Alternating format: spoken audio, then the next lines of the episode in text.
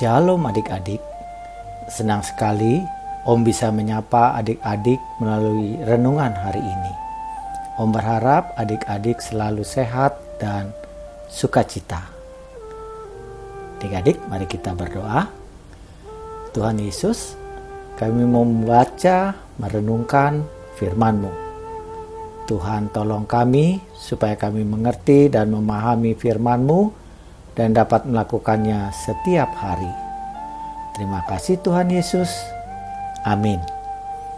Adik-adik, bacaan kita hari ini diambil dari kitab Daniel 6 ayat 8 sampai dengan 12. Kitab Daniel 6 ayat 8 sampai dengan 12.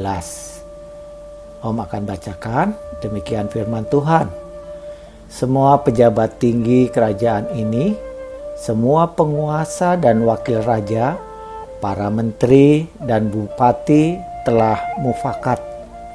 Supaya dikeluarkan kiranya suatu penetapan raja dan ditetapkan suatu larangan. Agar barang siapa yang dalam 30 hari menyampaikan permohonan kepada salah satu dewa atau manusia kecuali kepada tuanku, ya raja, maka ia akan dilemparkan ke dalam gua singa.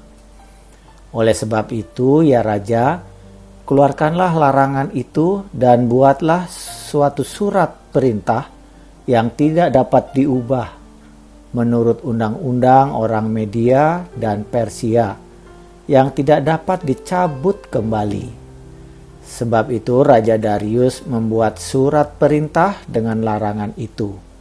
Demi didengar Daniel bahwa surat perintah itu telah dibuat, pergilah ia ke rumahnya. Dalam kamar atasnya ada tingkap-tingkap yang terbuka ke arah Yerusalem. Tiga kali sehari ia berlutut, berdoa, serta memuji Allah, seperti yang biasa dilakukannya. Lalu orang-orang itu bergegas-gegas masuk dan mendapati Daniel sedang berdoa dan bermohon kepada Allahnya. Demikian pembacaan Alkitab adik-adik. Tema renungan kita tidak takut berdoa ya. Tidak takut berdoa. Pembacaannya dari Daniel 6 ayat 11. Demi didengar Daniel bahwa surat perintah itu telah dibuat, pergilah ia ke rumahnya. Dalam kamar atasnya ada tingkap-tingkap yang terbuka ke arah Yerusalem. Tiga kali sehari ia berlutut, berdoa, serta memuji Allahnya, seperti yang biasa dilakukannya. Adik-adik, Hari ini kita mau belajar tentang berdoa dari keluarga Bintang. Masih ingat keluarga Bintang? Ya. Bintang dan keluarga sedang makan di tempat favorit keluarganya di mall. Bintang sangat lapar dan tidak sabar menunggu pesanan mereka dihidangkan. Begitu makanan dihidangkan, Bintang dengan cepat menyomot makanan kesukaannya. Bintang, sabar ya, kita berdoa bersama dulu, baru kita makan, kata mama. Aduh, lapar nih ma, jawab Bintang. Bulan menimpali bagaimana kalau Bintang yang berdoa ma? Aku, papa saja yang berdoa. Lagi pula kita doanya masing-masing saja, ya dalam hati. Kalau di rumah kita bisa berdoa bersama. Ini kan tempat umum, malu dilihat orang berdoa, kata Bintang mengelak.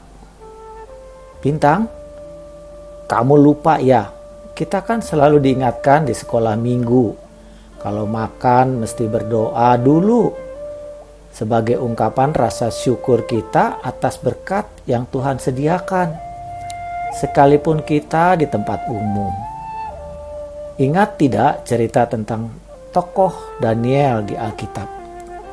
Daniel tidak takut berdoa walaupun mendapat ancaman. Dia tetap berdoa kepada Allah, kata bulan. Iya ya, kenapa masih malu berdoa di tempat umum? Toh berdoa tidak ada yang melarang. Ya kak?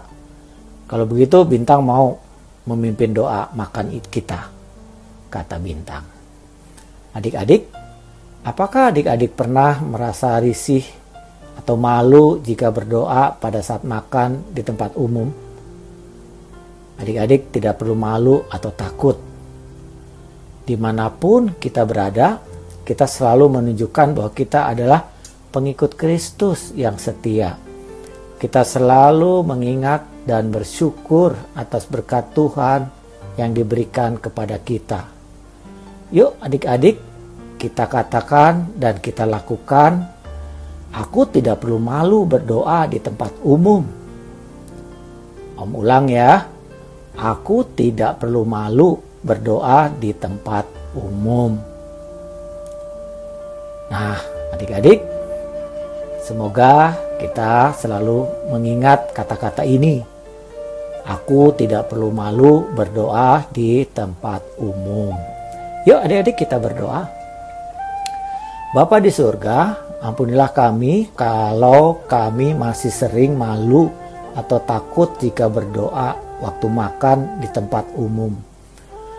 Bukan berarti kami sombong dan pamer, tapi kami mau terus menyenangkan hati Tuhan dan selalu mengucap syukur atas berkat Tuhan.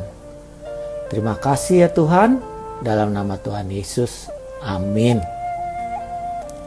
Adik-adik, demikian renungan hari ini. Tuhan Yesus memberkati selalu.